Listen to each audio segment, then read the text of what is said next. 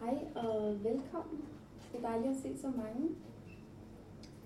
Øhm, og velkommen til jer, Hanne og Silje og Ragnhild. Tak fordi I vil være her. Øhm, jeg vil starte med en lille introduktion, og så øh, vil jeg stille jer nogle spørgsmål. For Marguerite Duras er livet og skriften uløseligt forbundne med hinanden. Man mærker det, når man læser de essayistiske bøger og skrive det materielle liv og stederne. At skrive er en måde at være i verden på, en måde at forstå livet på. At skrive er at give stemme til det uudsigelige, smerten og begæret, galskaben, krigen, kærligheden. Også i hendes romaner, dramaer og film blander det levede liv sig med skriften. Begge dele er umulige og mulige på samme tid. Historier omskrives, de genskrives. For Duras er det umuligt at lade være. Som der står i at skrive, at skrive, jeg kan ikke, ingen kan, det må siges, man kan ikke, og man skriver. Duras skriver altid fra et sted.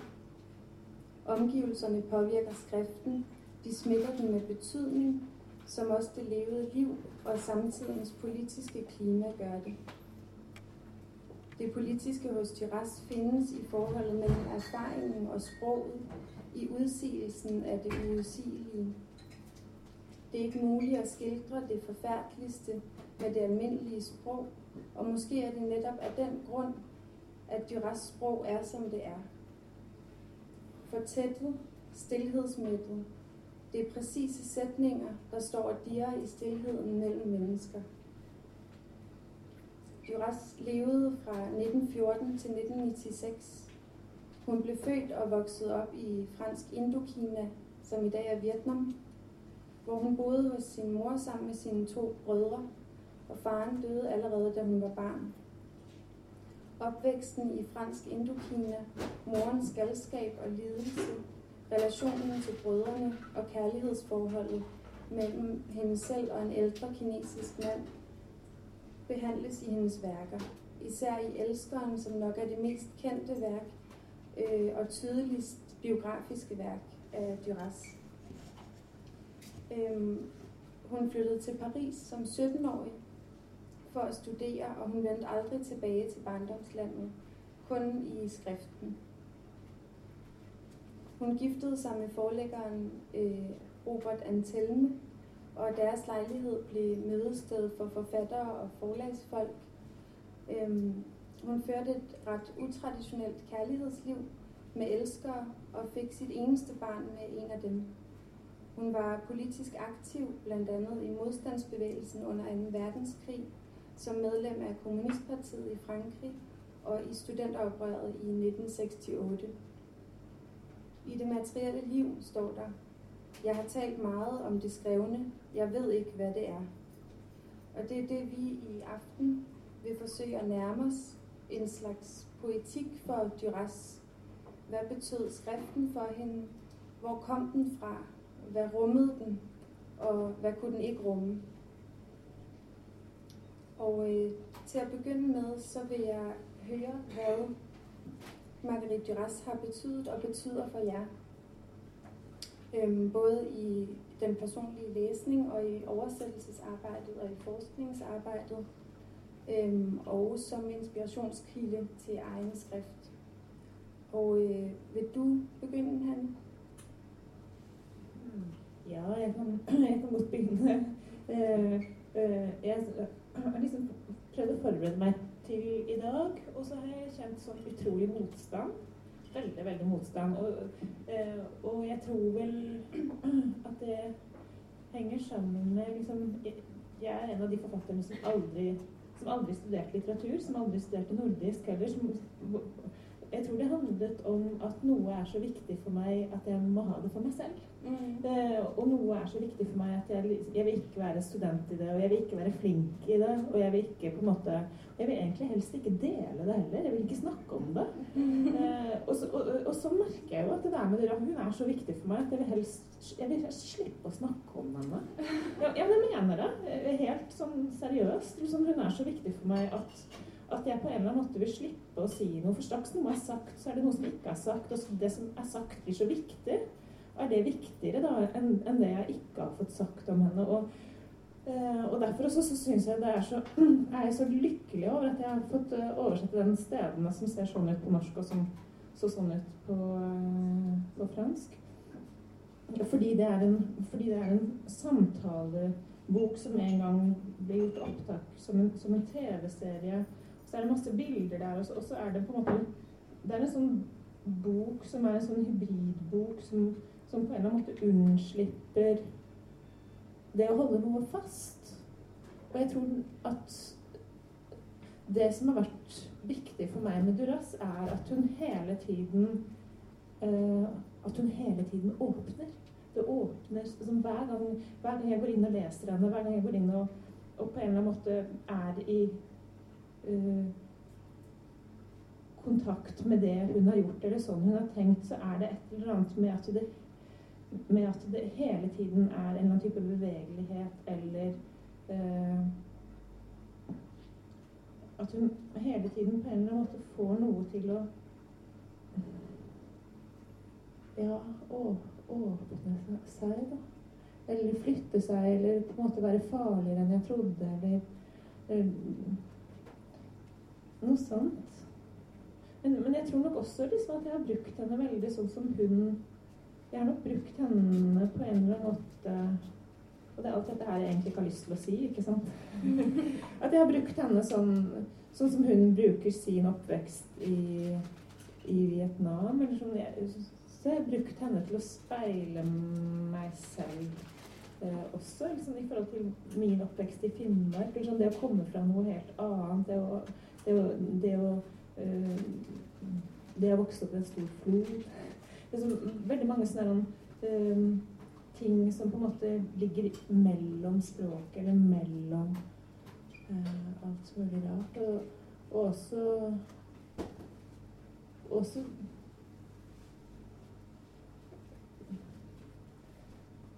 Og så har det vært viktig, Nå snakker jeg veldig mye, nå skal nestemann få lov til å snakke litt her, men, men det har vært veldig viktig for meg eh, gjennom den holdningen hun har til, til, til, skrivingen, og sånn den kommer fram nettopp i stedene som er nok Som jeg også har lest og skriver, men, men, for meg så er nok stedene den boken som har vært viktigst, også fordi den er så upretensiøs. Jeg tror, tror det har alltid vært veldig viktig for meg for å, for å, kjenne meg fri i forhold til å skrive, er det liksom at det ikke må bli for, på en måte, for seriøst eller tungt på en sånn, på en sånn veldig sånn stengt eller lukkende måte.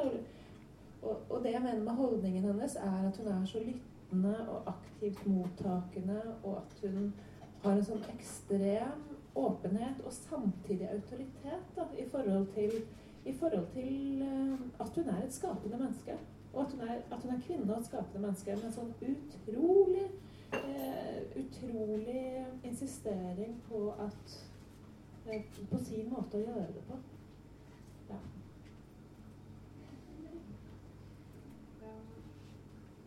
Tenker den ja. um, Jeg oppdaget Ross først som så mange, tror jeg. Da jeg var sånn slutten av tenårene. Da jeg leste 'Elsker han'.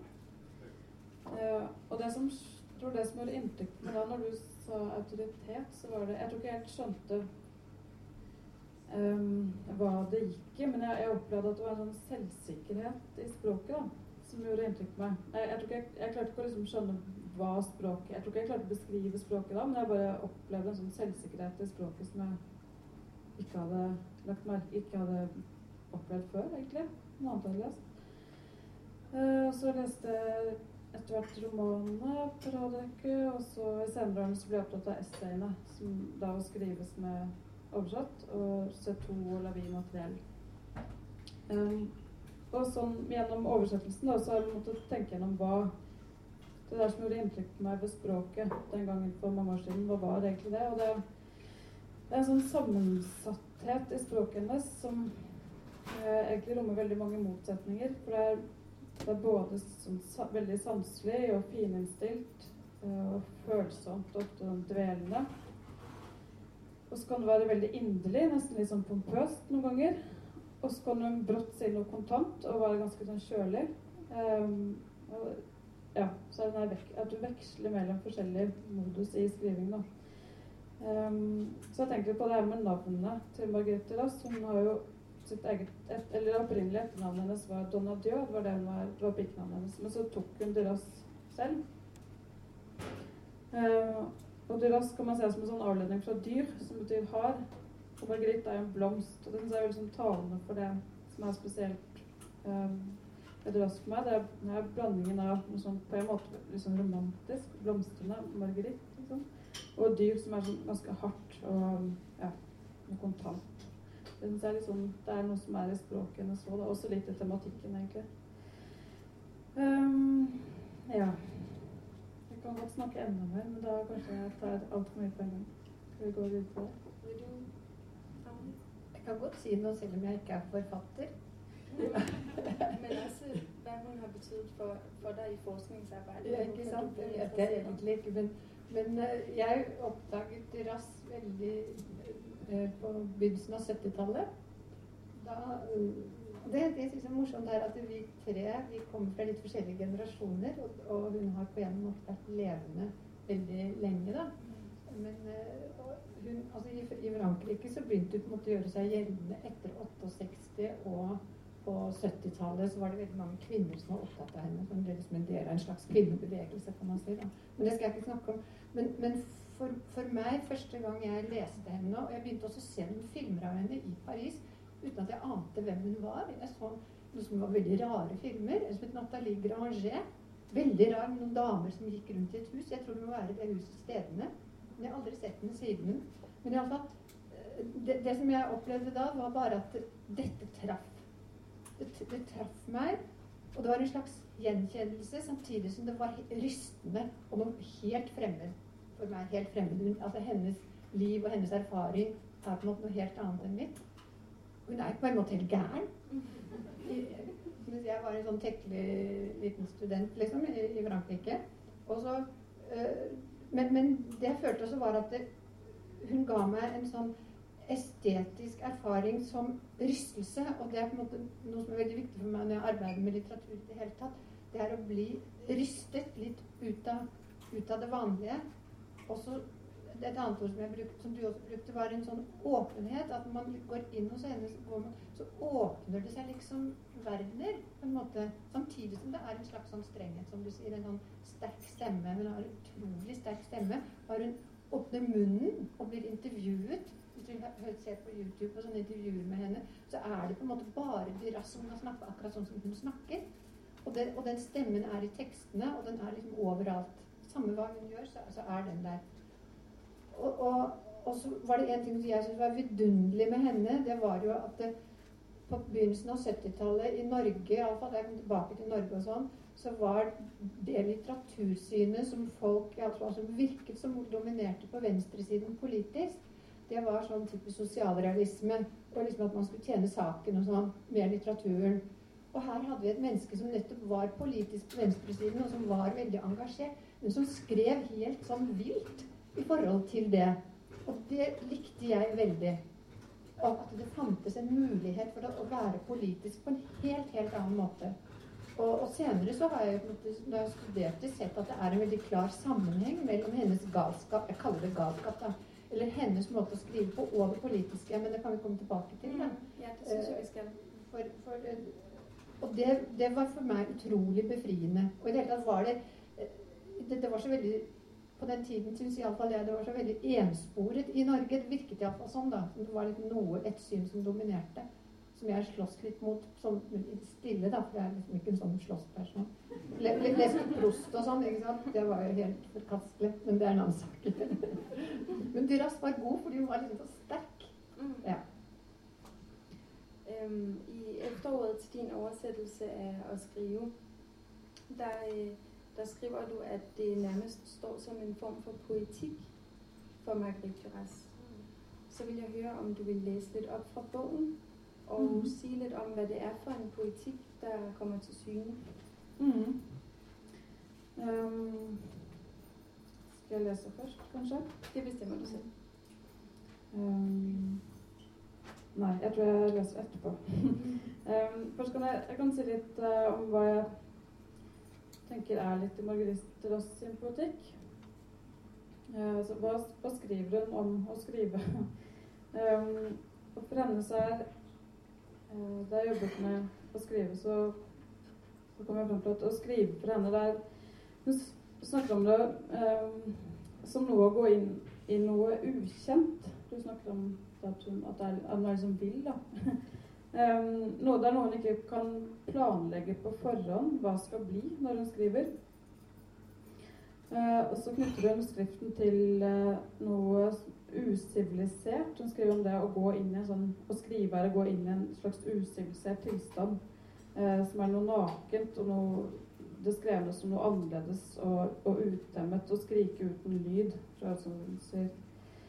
Um, og så snakker hun om, om boken som, er, som, noe som er der på forhånd, eh, på en eller annen måte. At forfatteren må adlyde boken. Det er ikke boken som må adlyde forfatteren, men omvendt. Eh, så den ligger liksom der og roper på en, skriver hun. Eh, altså, må boken har en egen vilje. Og for å kunne gå gå inn i det å skrive, eh, så er hun helt avhengig av ensomheten. Eh, den, er helt avgjørende for henne, det å kunne isolere seg for å gå inn i skrivingen sånn som den er for henne. Um, da kan jeg lese litt fra oversettelsen min. Um, fra begynnelsen. Det er et hus man er alene. Ikke utenfor det, men inni det. I hagen er det fugler, katter, men innimellom også et ekorn, en ilder. Man er ikke alene i en hage. Men i huset er man så alene at man blir helt forvirret noen ganger. Det er først nå jeg vet at jeg bodde der i ti år alene. Og det for å skrive bøker som gjorde det klart, både for meg selv og andre, at jeg var den forfatteren jeg er. Hvordan gikk det til? Og hvordan kan man forklare det? Det jeg kan si, er at den type ensomhet som fins i nøff ble skapt av meg. For meg. Og at det bare er i dette huset jeg er alene. For å skrive. Ikke for å skrive slik jeg hadde gjort inntil da, men for å skrive bøker som ennå var ukjente for meg, som ennå ikke var planlagt av meg eller av noen som helst. Det var der jeg skrev Le Ravissement de l'Ulverstein og Louise Consul, og andre bøker etter disse. Jeg forsto at jeg var et menneske som var alene med skrivingen min, alene og langt borte fra alt. Det varte ti år, kanskje, jeg er ikke sikker lenger. Jeg førte sjelden regnskap over tiden jeg skrev, skrev, eller over tiden i det hele tatt. Jeg førte regnskap over, hvor lenge jeg ventet på Robert Antelm og Marie Louise, lillesøsteren hans. Siden førte jeg ikke regnskap over noe. Så skriver han litt sånn da. Mm. Man finner ikke ensomheten, man skaper den. Ensomheten skaper man selv. Jeg skapte den. Fordi jeg bestemte at det var der jeg skulle være alene, at jeg skulle være alene for å skrive bøker. Det var slik det gikk til. Jeg var alene i dette huset. Jeg stengte meg inne. Jeg var selvfølgelig redd også. Og så elsket jeg det. Huset ble skrivingens hus. Bøkene mine ble til i dette huset. I dette lyset også, fra hagen lyset som kastes tilbake fra dammen. Det har tatt meg 20 år å skrive det jeg nettopp sa nå. Ja. Kan jeg si noe til det? Fordi, fordi jeg synes at altså Det med det huset, som er veldig viktig, og som sikkert Hanne vil si mer om i forbindelse med stedene det, det som, som, sånn som jeg oppfatter det, er at det, dette er en ensomhet som ikke er at hun liksom vil bekrefte seg selv, eller liksom vil uttrykke liksom sitt eget indre, eller liksom romantisk forestilling om liksom å lukke seg ute fra verden. Det er en måte å være ensom på hvor hun åpner seg for verden. Og, og huset har vinduer ut, men hun trenger en form for tilbaketrekning for å kunne lytte til alt som kommer til henne utenfra. Det sier hun også andre steder fordi jo, det fins veldig mange sånne samtalebøker eller intervjuer med, med Margrethe Rass. Og et sted så sier hun at det, alle mennesker skriver.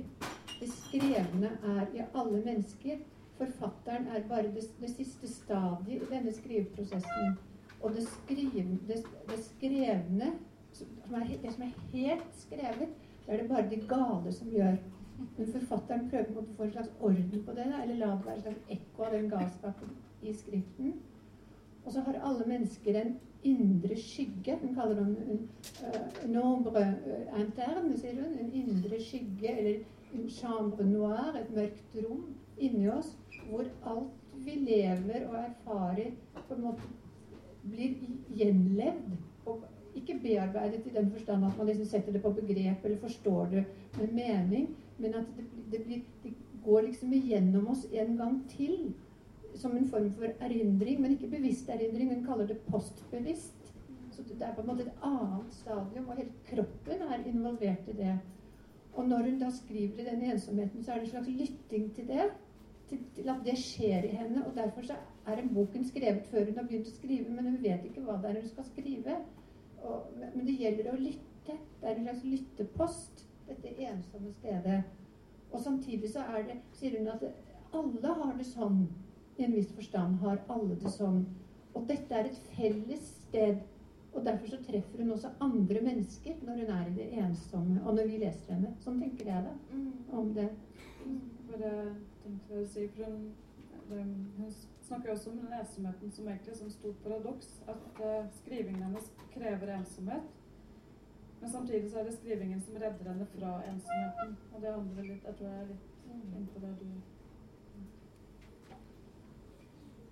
Men uh, i forhold til det hus der, uh, som hun jo skriver meget om i å skrive, men som også er i stederne um, Og generelt så er steder eller de fysiske omgivelser vigtige for Duras. Altså, de trænger liksom ind i skriften på en måde og skaber betydning øh, og bliver næsten de bliver en ramme for skriveprocessen på en måde. Øhm, for eksempel så øh, skriver hun i Det materielle liv, øh, at der var en af hendes romaner, den der hedder Lol V. Stein, at, øh, at den gjorde krav på at blive skrevet øh, i det hus, hun havde ved havet i Troville. At hovedpersonen hørte til der. Den kunne ikke skrives andre steder. Øhm, og jeg tænkte, om du ville sige noget om den bog, du har oversat stederne.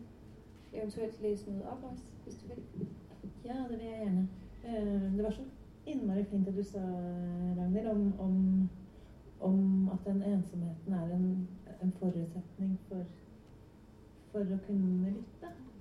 Uh, uh, for jeg, Det var også en av de tingene jeg var veldig sånn, liksom provosert av når vi skulle dit til ensomhetens spill. Og jeg ble sånn Å nei, liksom, skal vi liksom parkere Duras der? Liksom i en sånn kjipt, sånn opphøyd, litt sånn ensomt tårn. Og, også fordi at jeg opplever henne som så ekstremt det motsatte. Sånn, så ekstremt så ekstremt lyttende og så ekstremt kollektiv, da, på en eller annen måte. Sånn veldig åpen og veldig veldig bare det, bare det, å lage film er jo virkelig å kunne stå i sitt eget og samtidig virkelig ha, ha andre tett på seg i, i jobbinga. Så, så, ja. så det er en sånn fin måte å snakke med ensomheten på.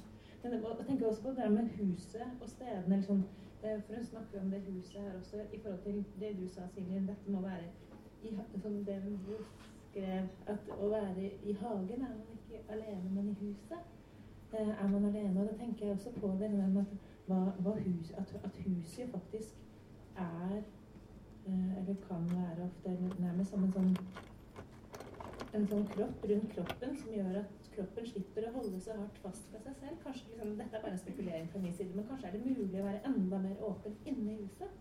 For da, for da holder huset rundt, og så kan du slippe. Og så kan du lytte i enda større grad, kanskje.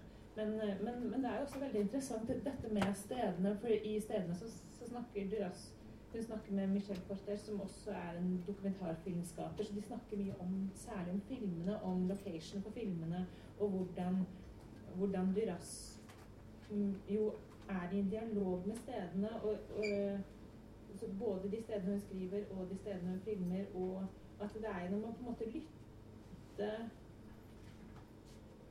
Lytter til stedet, at hun kommer at, at, på en måte, at, at hun kommer måte, i, i berøring eller kontakt med, med stoffet. Da. Eh, jeg tenkte jeg skulle lese hadde jeg puttet inn sånn inni her hvor jeg skulle lese fra, men så plutselig er det borte. er den, er den glippet ut? Nei, nå fant jeg det. Um, hun er Anne Marie Stretter. Er det fra en film? Er det en film som heter det? Nei, hun er, det er hovedpersonen i Indias sang etter Anne Marie Stretter. Ja, sånn og så er det. Le altså visekonsulen, som, som den filmen er basert på. Ja, så det er begge to, ja. Ja, det er begge to. Det er både bok og film. Det var det jeg syns. Mm. Jeg tenkte at jeg skulle lese uh, noe uh, Margit Rass sier i denne dialogen om Anne Marie Stretter. Og da vet da har Ragnhild nå informert oss om at det både er, både er Indiasong i den filmen, som jo også er superinteressant, fordi det er en film hvor eh, hvor, hvor hvor, det hvor de beveger seg rundt i, noen, i et hus og sånn. Og det interessante for eksempel, Den er en totalt utmattende film. for det, Den går så sakte, det skjer nesten ingenting. Man er helt utslitt når man er ferdig med å se den. Men den, er så verdt, verdt å se. Det er u, virkelig verdt å bli så utslitt. fordi noe av det som er virkelig helt sånn er at du ser aldri de som snakker. Eh, bildet er alltid liksom Det er alltid samme som språket kommer fra et annet sted. Sånn at, og det lager sånn merkelig rom og bevegelse rundt disse personene.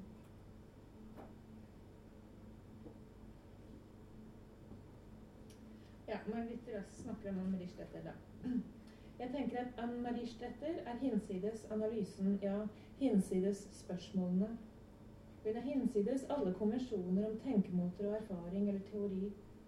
Det handler om en fortvilelse, en universell fortvilelse som er nærmest forent med en dyp politisk fortvilelse, og som blir gjennomlevd som det, med en veldig ro. Jeg har sagt at hun var Calcutta. Jeg ser henne som Calcutta. Hun blir Calcutta. Det er en dobbel glidning. Calcutta beveger seg mot formen til Anne Marie Stretter, og hun beveger seg mot formen til Calcutta. Og for meg, når filmen er slutt, er de to blitt én. Jeg sier ikke at hun er en frigjort kvinne, jeg sier at hun er på tydelig vei mot frigjøring. En frigjørende vei som er veldig personlig og individuell. Det er ved å omfavne verden i videste forstand, hele verden, at hun er mest seg selv. Det er ved å være videst mulig åpen mot alt. Mot Calcutta, mot elendigheten, mot sulten, kjærligheten, prostitusjonen, begjæret. At hun er aller mest seg selv. Det er det som er Anne Marie Stretter. Når jeg sier prostitusjonen, mener jeg at prostitusjonen passerer gjennom henne. Som sulten, som tårene, som begjæret. Hun er en uthulet form som tar imot, som ting finner sted i. Det er det jeg kaller Anne Marie Stretters frigjøring. Men her er jeg nok på veldig usikker mark. Det er godt mulig at jeg aldri får vite hvorfor hun holder sånn fast i meg. Det er et sug fra en avgrunn, fra et begjær som han iblant ikke vet om at finnes. Hun er mer mitt begjær enn det jeg trodde var mitt begjær. Hun svarer mer enn jeg spør, på et vis. Fordi hun svarer totalt.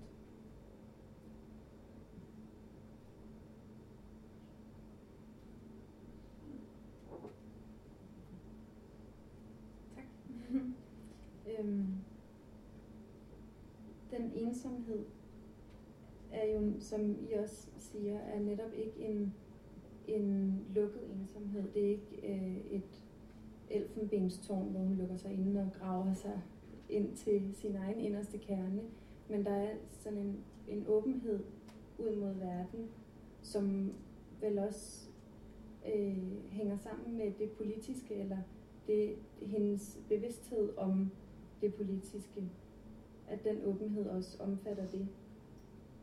Vil du Jeg, Ragnhild, jeg kan godt prøve å si noe på en måte om hun Anne Marie Stretter. Ja. Fordi eh, altså, Nå vet jeg ikke hvor mange som har lest boken 'Le Visconsul'. Den er dessverre ikke oversatt til norsk. Det mener jeg er en av de viktige bøkene han har skrevet. Og det er typisk at hun refererer veldig mye nettopp til både Lalvier Stein og uh, Le Visconsul i å skrive, og også i andre i C2, tror jeg, den siste boken hun, hun skrev, eller snakket inn. Uh, altså, det er veldig viktige bøker og nesten et slags vendepunkt i hennes forfatterskap. da. Men det politiske kommer fram i visekonsulen, og samme tematikken. Det er ikke en filmatisering av boken, men det er en ny versjon på film. Hvor alt er flyttet over i et annet medium, sier de raskt om det. Men iallfall, det, det handler om et, et diplomatmiljø i India eh, fra, rundt den franske ambassaden, og Anne Marie Stretter er ambassadørfruen der. Og, og det er i kolonitiden på 30-tallet, eller et eller annet sånt, kolonitiden i Frankrike. Og, og, så har liksom de diplomatene eller hele det europeiske miljøet har, har sperret seg inne i et slags sånn, i en stor park og i et stort, flott uh, hus, nesten som et slags sånn gyllent fengsel. Og så har de høye gjerder rundt for å beskytte seg mot India. Om, og India, det er le feu central de l'absurdité, sier de i en, en bok som heter Le Parleuse. At det er et sted for absurditeten, altså den store lidelsen og rundt hele denne eiendommen så er det de spedalske som på en måte er der. Og så er det en tiggerkvinne som skriker og babler for språk ingen forstår. Hun opptrer også da i filmen, og åpner filmen blant annet. Men poenget er da at europeerne har liksom gjerdet seg inne for å beskytte seg mot spedalskheten, mot lidelsene, mot smerten osv. Og Anne Marie Strett der, som er det, akkurat sånn som det blir sagt der, som er liksom åpningen Hun er på et prostituert. Hun er Akive Del, sier de ras. Altså hvem som helst kan ta henne. Hun har elskere overalt. Hun lever promiskuøst på alle mulige måter. Men hun er totalt mottagende. Hun speiler den tiggerkvinnen. Hun tar inn i den europeiske verden, tar inn den lidelsen utenfra. Og på den måten så speiler hun noe som de andre prøver å stenge ute. Og, og, og, sånn sett så blir det på en måte noe politisk nettopp i det at hun visker seg selv ut. Hun, I en viss forstand utsletter hun seg selv. Og, og det, den teksten du leste nå, var veldig fin, hvordan hun liksom glir inn i det. Mens boken handler om hvordan de europeerne i dette diplomatmiljøet hele tiden snakker om henne og snakker om tiggerkvinnen, de snakker om det spedalske, og de er veldig, veldig redde hele tiden. Men hun hun er på en måte midt blant dem, og hun er en eh, eh Hva det står i visekonsulen? Det står hun er en lepre du coeur. Hun er en lepra av hjertet. Altså hjertet hennes er spedalsk. Så, så, så, så sånn sett så, er hun samme som Skriften på en måte vil være. altså Det vil at Skriften skal være. altså Det du leste der, passer på det skrevne. Det skrevne er det. Det er den åpningen. Og sånn sett blir det politisk hos de Rasta. Mm. Fordi det også har denne denne favnende Og hvis noen av dere kjenner Hiroshima Manamor, den er kanskje litt mer kjent ved filmen, som hun skrev manus til. Det var Alain René som eh, regisserte den. Der har du noe av det samme, fordi der er det en erindringsprosess når en fransk dame, skuespillerinne som kommer til Hiroshima for å lage en film om Hiroshima, møter en japaner og møter et, får et sånt lidenskapelig forhold til han som bare varer to dager, så vekkes til live gjennom en kroppslig erindring på en måte, og et begjær som hun har til den japaneren, så vekkes til live at hun hadde forhold til en tysker under krigen som ble skutt ved frigjøringen. Og, og, og, der er det på en måte også kjærligheten som har en tilgang til hennes minne. Han, og det er han som har det da, på en måte en tilgang til hennes minne gjennom kjærligheten. Var, det, var det det du spurte om? det, var, det var uansett veldig veldig interessant og veldig bra. Jeg tenker at Det er, det er noe som er så spennende med Duras i forhold til, i forhold til nettopp det politiske du sier, og i forhold til også, i forhold til også hvordan hun på en eller annen måte sånn insisterer på det der han hvordan, hvordan hun som f.eks. Anne-Marie Stretter lar Anne-Marie Stretter være et sted for erfaringen og for verden. Som, kommer liksom inn i kroppen som kropp. Og jeg tenker at på sett og vis så tenker jeg at dette er sånn ekstremt uh, uh, sånn, Dette er jo sånn og hun, Ja. Det er jo liksom sånn man ikke skal si, da. Men kunne en mann skrevet dette, liksom? Uh, og da mener jeg liksom, det er noe kroppen som beholder kroppen som prostituert. kroppen Sånn væren som en, en, en beholder, da. Væren som et passasjested. Sånn uh, Mm, jeg tenker kvinnekroppen som liksom rommer og slipper og liksom Det er et eller annet uh, Ikke det at vi skal gå inn på noe sånn kjønnsopplegg her, for det er, er, er, jo helt ekstremt vanskelig. Men, men jeg syns at det er, er, et veldig er, er, bare en erfaring som blir åpnet da, i, i møte med, med det hun gjør. Mm. Ja. Og, og, egentlig er det veldig interessant at visekonsulen og hun, begge de to forholder seg på en måte til den lidelsen som de andre prøver å stenge ute, da, og den smerten som på en måte er noe de selv forårsaker, ikke sant? som kolonimakt osv. Uh, eh, hun, ved å forsvinne, ved på en måte å speile og sånn, han, han skyter på de spedalske. Og når han skyter på dem, så står det at de da Eklat kom det sakte posier, står det da. Da sprekker de som om støvsekker. Mm. Eh, for, for, lepra det er jo en sykdom hvor man smuldrer bort. Kroppen smuldrer bort. Og, og så lider de ikke. Det er ikke smertefullt, visstnok. Ja, det har jeg, vi lærte på skolen i bibelhistorien at det ikke gjorde vondt. For det var så mange spedalske i bibelhistorien. Vi skjønte ikke hva spedalske var engang.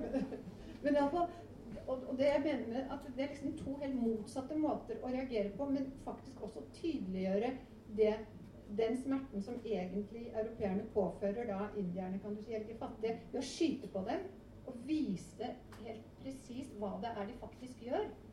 Han tydeliggjør det, men det er kanskje en mannlig måte å gjøre det på. det vet jeg ikke, Men det er en veldig motsatt måte av Ann Marie Steffers måte. Men jeg tenker, Når du snakker nå, så får jeg, jeg blir, får nesten litt sånn jungianske sånn, hvordan, ja, men hvordan hun på en måte rett og slett sånn eh, det maskuline og det feminine prinsippet rett og slett sånn ekstre, ekstre, ekstremalisert. da, sånn, gjennom, gjennom skuddene eller det veldig sånn målrettede og det ekstremt mottagende. Det er jo interessant hvordan hun på en måte ja, mm, lager sånne veldig tydelige totalunivers. da. Ja. Mm. Og de to skjønner hverandre på en måte. De kommuniserer mm. i viss forstand. Ja. Um, du har skrevet boken 'Marguerite Duras og lidenskapens bro'.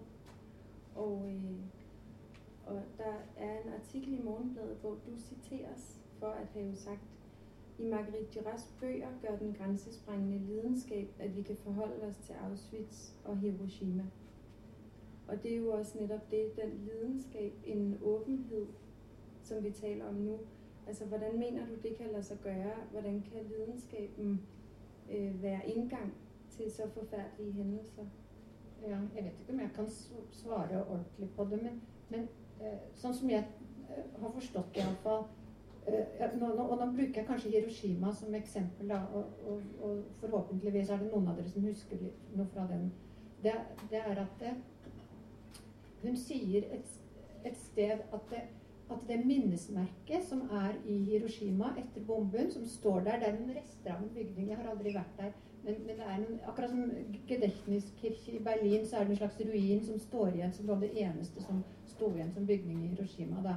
Og så har japanerne selvfølgelig laget museum, og de har laget altså en slags sånn hvor du kan stå og se på alle lidelsene og sånn. Og så kaller de raskt kaller det i innledningen til den manuskriptet da, til filmen, så kaller hun det for le monument du vide. Altså det, to, eller to, det vid, står det. Eh, tomhetsmonument. altså alle de minnesmerkene vi prøver å sette opp etter sånne traumatiske opplevelser, de greier ikke å, å, å måtte fange den lidelsen eller den erfaringen som dette var. Det er på en måte for stort. Og det er det mange som har tenkt over. altså Den franske psykoanalytikeren og, og litteraturkritikeren Julia Kristeva snakker jo om det samme når hun sier at det, språket etter andre verdenskrig har på en måte gjennomgått en slags krise som gjør at det, man har ikke lenger midler til å artikulere de store katastrofene som vi påførte oss selv, eller Europa påførte andre og seg selv under de to verdenskrigene, men kanskje særlig den siste. Og og Duras tilhører en generasjon, mener jeg, hvor mye av det hun holder på med, er en slags eh, kulturell bearbeiding av historiske traumer. Og det er Auschwitz og Hiroshima er på en måte nøkkelord for det. Hun er jo også veldig opptatt av Auschwitz og jødeforfølgelsen og sånn. Og, og, og, poenget er at, det, at, hun søker et språk som kan på en måte ikke fange det, for det kan det ikke. Du kan ikke sette lidelsen på begrep. Da forblir den stum.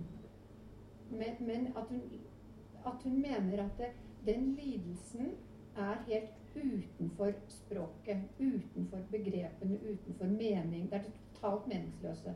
Og der er lidenskapen også. Begjæret befinner seg på, på samme sted. Det er også utenfor språket og har på en måte ikke noen ord. Og, de, og, og sånn som jeg forstår det når jeg leser det raskt, det er at de to tingene de møtes på en måte fra samme sted. Og derfor så er det på en måte et språk som springer ut av begjæret, av lidenskapen, som kan nærme seg også smerten.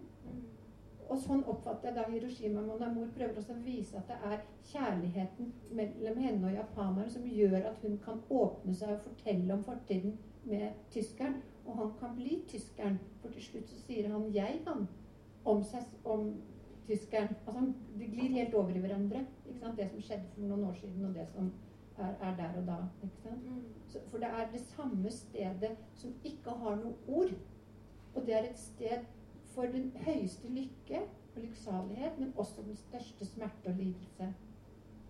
Og, og I den boken Lolbert Stein som jeg snakket om, så snakker, så snakker hun om et ordfravær. At det er et ord Mot absence, står det på fransk. Det er et ord som ikke fins i språket.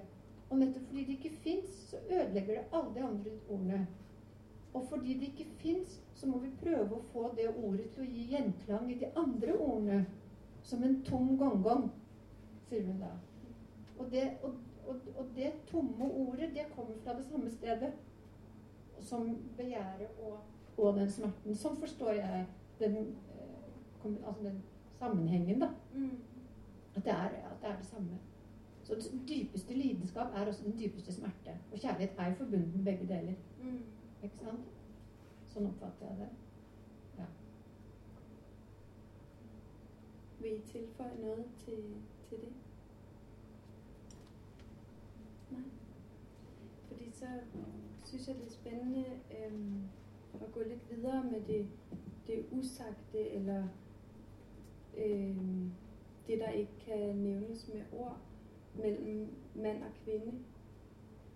Øhm, fordi der ligger en, en stillhed ofte i nogle af Duras værker, som er Øh, fordi de er jo ret dialogiske, mange af værkerne, men der er også enormt meget stillhed. Der er enormt meget, der ikke bliver sagt. Øhm, og øh, i Elisabeth Åsens biografi, der skriver hun, at øh, Duras i et interview har sagt, at hun er optaget af det, mennesker ikke siger til hinanden, selvom de taler sammen. Og de stillheder, der er mellem karaktererne, det, det er of, netop ofte øh, at de bevæger sig omkring det vanskelige, det man ikke kan tale om, en, en håbløs kærlighed eller smerte. Øhm, og så vil jeg høre, hvordan I oplever forholdet mellem mand og kvinde hos Duras, og, og hvad, hvad den stillhed betyder for skriften. Jeg ved ikke, om du, Hanne, vil sige noget? Ja, jeg tenker det er så utrolig mye å si, så det er bra vi er flere til å, flere til å dekke feltet. Men jeg, jeg tok med meg i dag den, min kanskje favorittroman av Dyras, som er Emily L. Uh, uh, og i forhold til det du snakker om forholdet mellom kvinne og mann og, og det usagte og det sakte og skriften og kjærligheten, så tenker jeg at den romanen her jo sånn eksplisitt tematiserer nettopp det.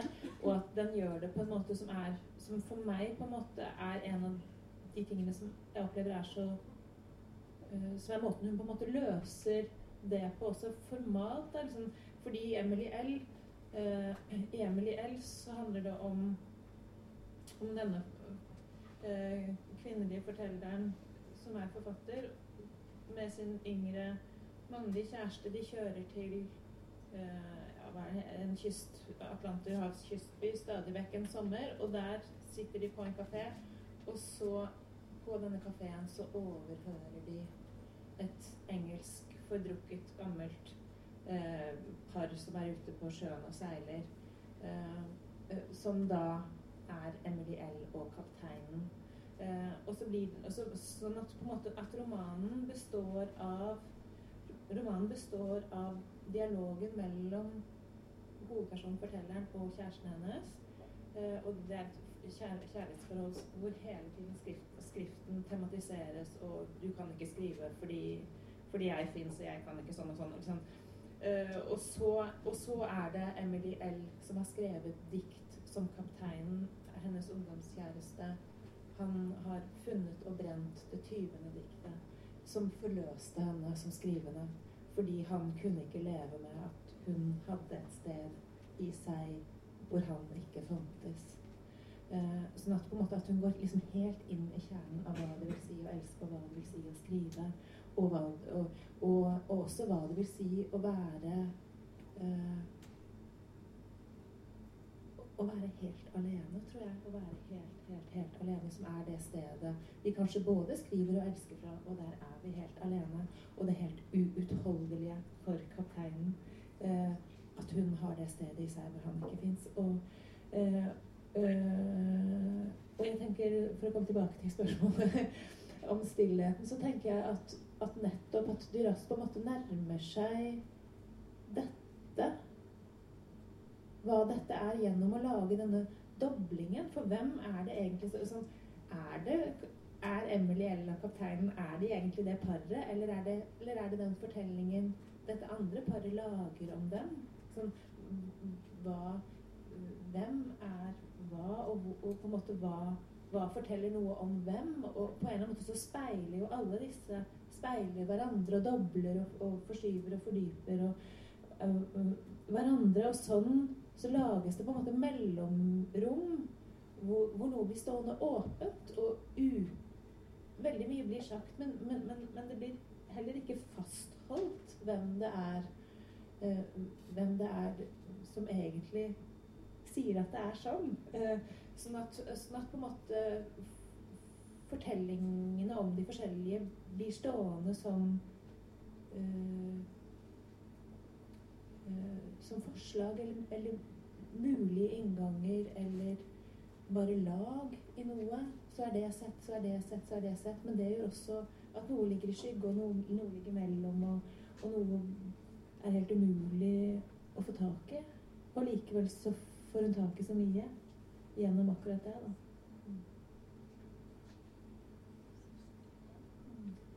Um, nei, jeg tenkte Det er litt videreføring av det du sier, egentlig. Men uh, det er et sitat fra Lavi Materiell. Uh, en tekst som heter 'Mennene'. Og, uh, hos dere så er det Jeg tenker at mellom Det er alltid noe umulig mellom mann og kvinne hos Duras. Det går, det går på en måte aldri. Men det sitatet er Blant mann og kvinne er det ingen løsning. Mann og kvinnen er uforenlige, og det er dette umulige forsøk som ved hver fornyet kjærlighet skaper storheten. Det er der jeg tenker hun går Det er der hun går inn da, ved hvert fornyet forsøk. Eller ja, så går i den storheten. Det er der hun går inn og skriver. Er det som er hennes motor på mange måter, tenker jeg. Um, så kan man jo selvfølgelig spørre seg er det liksom et litt dystert syn på mannen og kvinnen, At det er den der umuligheten. Men jeg syns ikke det er det heller hos Duras. Um, eller det kan, det kan, også være det, men det er aldri bare det. Jeg skal bare finne et annet sitat. Um som også er hentet fra Lavimotrell, men det er en annen tekst som heter Boken. Uh, hvor hun uh, ja, snakker om bøkene sine. Um, og mennene og kvinnene i bøkene sine. Så skriver han Jeg smelter sammen med disse menneskene, og det jeg gjør, er å fortelle en umulig historie. Det jeg vil fortelle, er en kjærlighetshistorie som alltid er mulig, selv når den framstår som umulig for folk som står fjernt fra det å skrive. For det skrevne tar ikke hensyn til hvorvidt historien på den måten er mulig eller ikke. Det kan hende at jeg har villet si nettopp det jeg har sagt her, men uten å lykkes. Nemlig at det mellom personene ikke har vært en kjærlighetshistorie, men kjærlighet. Det jeg vil si, var kanskje at kjærligheten hadde vist seg en gang en bestemt natt ved grensene til deres forhold som en lysstripe i mørket. At historien en gang, på et, et bestemt tidspunkt, hadde kommet så langt til, som til kjærligheten. Um, og de her lysstripene i mørket, da, det syns jeg det er ganske betegnende for deres syn på kjærlighet, egentlig. Eller ja, også det som er muligheten mellom mann og kvinne i umuligheten. Mm. Veldig fint det der siste sitatet. Jeg er helt enig i det med den lysstripen. Ingen kjærlighet i verden kan stå i kjærlighetens sted. Ser hun også i en roman som heter 'De små hestene fra Tarkinia'. Eh, fordi kjærligheten er en sånn Det er noe plutselig, en viss forstand noe plutselig, noe som bare bryter inn i verden, og, og, og plutselig lager røre og rot en stund, og så er det tilbake igjen. Og, og det samme føler jeg at hennes tekster er. De er sånne, eller filmer prøver å være sånne innbrudd inn i verden og sette oss i en helt annen tilstand som ligner på en kjærligheten. Og så er det ut igjen. Og når du f.eks. lar Indias sang være så langsom, så åpningen er at du ser en solnedgang, og så hører du en tiggerkvinne skrike på et språk du ikke forstår, og synger. Og så er det helt stille. Vi må vente på at solen går ned. Riktignok er dette i tropene, slik at det går fortere enn her oppe i Norden. Men, men, men likevel, det er veldig uutholdelig lenge at du bare sitter og ser og ser og ser. Og, og da, om dette har dere sagt at det er helt med vilje, fordi det er for å få menneskene til å legge fra seg alt det andre vi er opptatt av når vi kommer inn i kinosalen. Vi skal liksom gå inn i det der i la chambre noire som hun snakker om, det, det svarte rommet, og så skal vi kunne fordype oss ned i det, slik at vi blir mottagelige for filmen. Men, men, så hadde jeg bare lyst til å si en ting til når det gjelder forholdet mellom mann og kvinne hos, hos uh, de Rasta. fordi det er det som er slående i noen bøker. Og det er kanskje særlig i Lol Wehrstein og visekonsulen, disse to som, som utgjør måte, kjernebøkene i det som heter Indiasyklusen. For de lagde jo seks tekster og filmer ut ifra de to bøkene, de to romanene. Der er det menn som er fortellere. Det er menn som prøver å nærme seg det som F.eks. da Lol Wehrstein, som jo blir gal, og, men er bærer av kjærligheten og, og, minner om kjærligheten, og Anne Marie Stretter på den andre siden. Prøver å nærme seg dem, prøver å fortelle om dem, prøver å lage historier om dem. Og det den ene fortelleren sier da, han i, i Lol Wehrstein, sier at det å nærme seg henne, det er å, å vite mindre og mindre. Og, bli, og, og komme lenger og lenger bort fra språket. Og så har de raskt skrevet en roman som på en måte undergraver hele hans forsøk på å fortelle om henne. Slik at det er umulig å fortelle om henne. Så, de, så mennene prøver å fange disse inn i en historie, inn i en roman, og så blir det undergravd på forskjellige måter. Tekst, tekstlig, kan man si. da. Og, og også at fortelleren mister sin autoritet og posisjon. Og til slutt så er det kanskje bare noe de har diktet opp. For det er helt umulig å fortelle om, om Lolverstein. Og i visekonsulen så er det en som prøver å fortelle om den gale tiggerkvinnen. Og han gir opp. Etter et par kapitler så gir han rett og slett opp. da. Men, men så ofte så føler jeg at det, er, at det er menn som prøver å nærme seg noe som da kvinner er bærere av. Det betyr ikke at det er bare kvinner som er bærere av det, men veldig ofte hos de rasse er det det. Og, og, og, det skyldes kanskje noe at uh, hun levde jo tross alt i en tid hvor kvinner i mindre grad enn nå uh, eller i større grad enn nå var liksom låst fast til hjemmet og til huset og var tvunget inn i en sånn passivitetsrolle. Og hun har selv satt, uh, sagt at hun står at i motsetning til Simone de Beauvoir sier hun, Simone de Beauvoir vil liksom være et subjekt. Hun vil være et subjekt, hun vil ikke være et objekt. Mens jeg sier dere, jeg vil utforske nettopp den passiviteten, det å være det objektet, og som da kvinnene i stor grad har måttet være. da innen tidligere. Kanskje ikke så mye nå lenger, men iallfall før. Og fortsatt en del, da. Men iallfall mer da. Og derfor også at kvinnene har et spesielt forhold til hus og steder. De bebor dem på en annen måte. Mm, det snakker hun jo også om i stedene. Ja, ja det gjør hun. Det er ja. riktig. Ja. Så det er litt, litt, forskjellig det der med menn. da. Mm. Så menn er veldig fascinert av dette. De vil nærme seg det. mm. uh.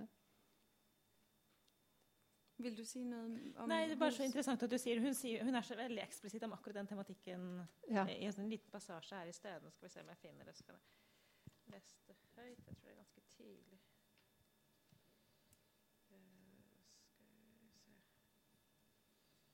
Uh, mm.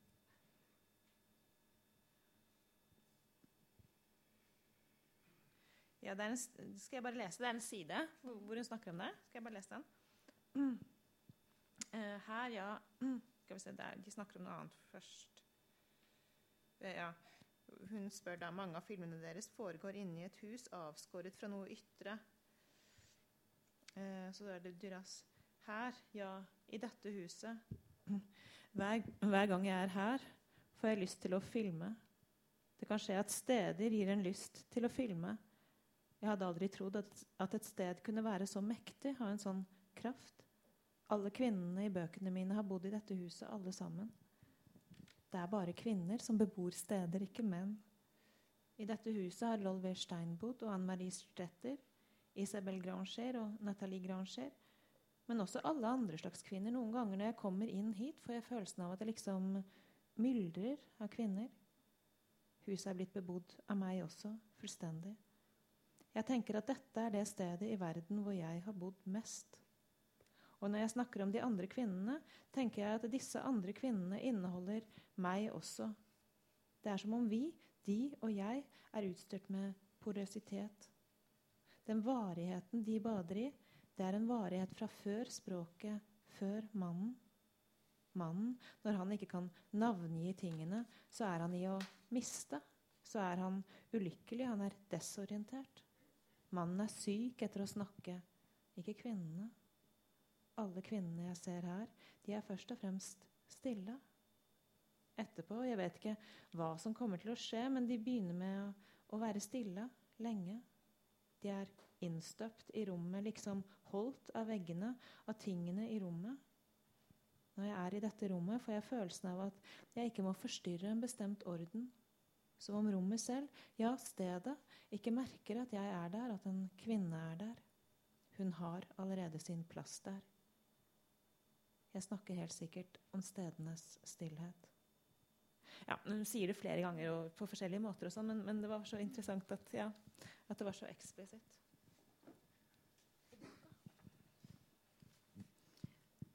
Nå har vi ikke så mye øh, mer tid, men jeg vil gjerne lige nå å tale litt om, eller høre jer tale om, øh, forholdet mellom liv og skrift hos Duras. Altså, øh, fordi som jeg også sagde i introduktionen, så er det svært å adskille de to. Øh, og det virker også som om, at Duras har litt svært ved det noen ganger, egentlig. Hva der er skrevet, og hva der er levet. Øhm, og øh, så vil jeg egentlig høre om eller hva, hvad I tror det betyder for Skriften at den, at den er så tett på livet. Altså de her hi historier fra barndommen blandt andet, som hun vender tilbake til i flere bøger og omskriver og genskriver. Hva, hvad, hvad betyder det for Eller hvilken effekt har det på Skriften?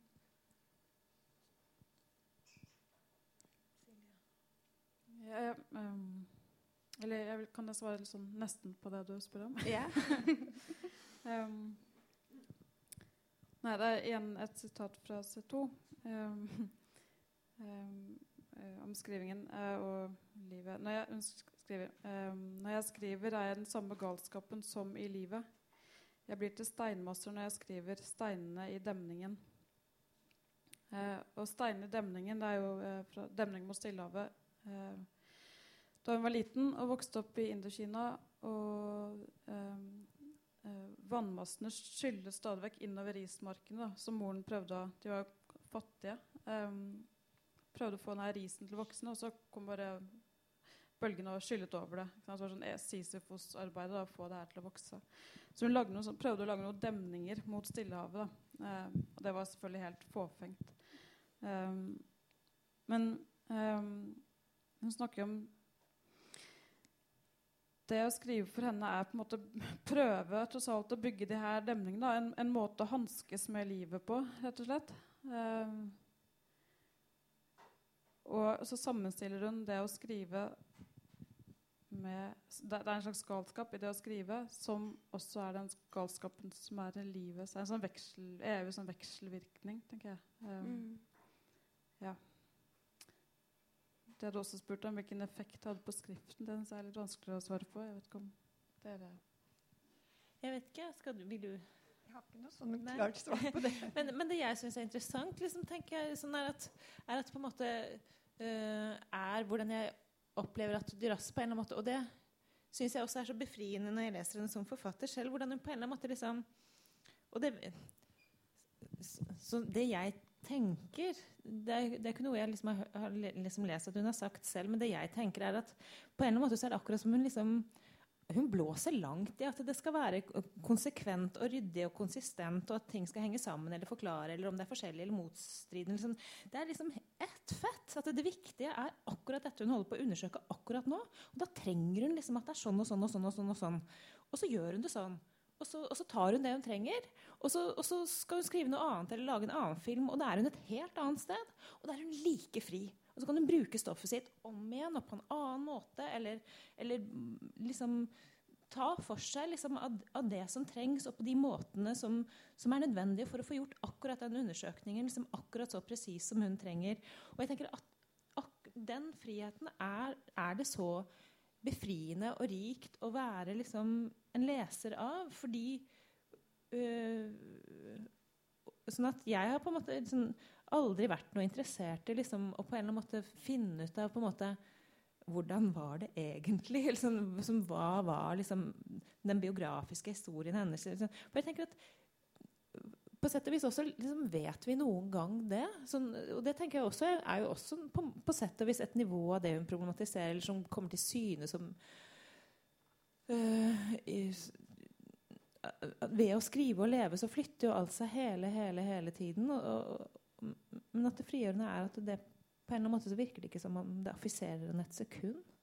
Og det syns jeg er veldig deilig. Mm. Jeg tror det er riktig. Altså, tenk, i, i, 'Elskeren', som jo er den boken som hun sa selv, og presenterte på en måte som selvopplevd, mm. og, og, hva som egentlig var det, er litt vanskelig å si. Men der problematiserer hun jo nettopp dette. At det, det er jo hun som eldre som skriver og erindrer og det er det som er det viktige. Samtidig som vi ser at det er enkelte ting som går igjen i alle bøkene hennes. Altså på en måte så har, hun hadde jo to brødre, og den ene var veldig voldelig. Og veldig er liksom den slemme broren, den store broren, og så har hun en mindre bror som hun elsker og har nesten sånn incestuøst forhold til. Ja, ja, ja, ikke sant? Han var ikke han pen? Og han døde, han døde jo veldig, under krigen, veldig ung. da døde veldig ung. Men det er akkurat som to sider ved, ved mannen for, for, henne, tror jeg. For noen, noen han ligner mer på kineseren. Han ligner mer på kineseren. Men, men iallfall eh, hva, hva var det jeg ville si med dette? At, at altså hun har skrevet flere variasjoner over denne elskeren. Og du nevner elskeren fra Nord-Kina, som kom etterpå. Og, så, og, der er det enda tydeligere litt mer sånn incestuøst i forhold til denne lillebroren eller den andre broren. Eh, men om det er sant, det vet ikke jeg. Men iallfall det kommer der. Og, og, det er også noe hun tar opp i et skuespill som heter Agatha. Og der er det på en måte antydet et incestuøst forhold. Og veldig mange kjærlighetsforhold er nettopp alltid umulig. ikke sant? Det er enten incestuøst, eller det er med en tysker, eller det er det i Kina der, nei, i Vietnam mener jeg, med den kineseren. Helt umulig forhold. ikke sant? Kan aldri realiseres. Men iallfall eh, Nå snakket jeg meg visst helt bort, men eh, jeg hanke deg inn? ja, jeg hank meg inn igjen. Er du ferdig? Nei, jeg var ikke ferdig, men jeg ble borte. Jeg vet ikke om jeg egentlig klarer å hanke deg inn, men jeg kan, jeg kan hekte meg på der du slapp. Det med friheten. Um, kan jeg få lese en bit til? Um, ja, i det at hun er så fri i det hun skriver, da. Um, hun skriver Jeg tror at det jeg bebreider bøker for generelt, er at de ikke er frie. Man gjennomskuer skriften. De er fabrikkerte, de er velorganiserte, regelrette, konforme, kan man si. Et resultat av den inspeksjonsoppgaven forfatteren ofte pålegger seg selv. Forfatteren blir altså sitt eget politi. Det handler om en søken etter den riktige formen, dvs. Si den mest flytende formen, den klareste og den mest harmløse. Det finnes fremdeles døde generasjoner som skriver bluferdige bøker. Til og med unge mennesker, sjarmerende bøker uten noen ettervirkning, uten mørke. Uten stillhet. Med andre ord uten en virkelig forfatter. Bøkene, bøker man leser på en dag, underholdningsbøker, ferielektyre. Men ikke bøker som setter seg fast i sinnet, og som forteller om den dype sorg og banale sannhet som gjelder i alle sinn. Ja. Sartre han skriver jo ikke, sier hun. I emfatisk forstand. Han skriver ikke. Og det er fordi Sartre skriver den typen bøker. Som ikke, ikke kommer kontakt med det skrevne. på en måte. Hun er veldig eh, liksom sånn arrogant på en måte der, da, i det ja, du leste. Men det, ja, men det er litt stilig. Jeg syns det er, det er så stilig ved henne. At hun er litt sånn arrogant. Uh, Mm. på si, ja, hun tillater seg å være litt arrogant. Ja. Jeg syns ikke hun er arrogant. Jeg syns hun bare sier det som det er. Jeg syns hun, jeg synes hun er ærlig. Og, og det syns jeg kanskje også liksom, er, det, er det utrolig deilig med skriften hennes, er jo sånn, er, med, med, å lese henne, er jo at hun er så, er, at hun er så utrolig ærlig. Liksom, på, en, på, en, eller annen måte så føles sånn eh, føles det som at, hun, at måte, det viktige for henne er, bare at, er at det skal være liksom bare klin sant. Mm. Det skal være liksom så sant som det kan få blitt. Og da og, og Samme om det høres helt bananas ut. Mm. For, det, for, for det er sånn det er. Akkurat da, i hvert fall. Og, og, og det er liksom, jeg tenker at det, det, det krever en sånn uh, Det krever jo at, uh, at Det krever jo en, et sånt radikalt Ja, hva skal jeg si?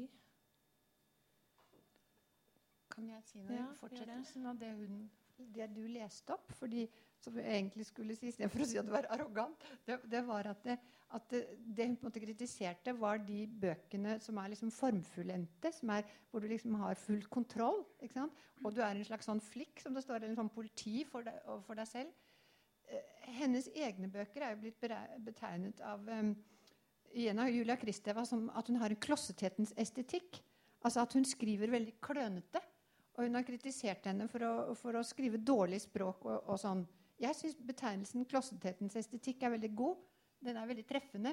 Nettopp fordi det, det, er ting her som skurrer. Hun skriver rart. Hun har ofte rare ordstillinger, og hun har lang avstand fra subjekt og verbal, bl.a. som Kristeva kritiserer henne for. Men, men, jeg ser det som veldig viktig at det nettopp skurrer.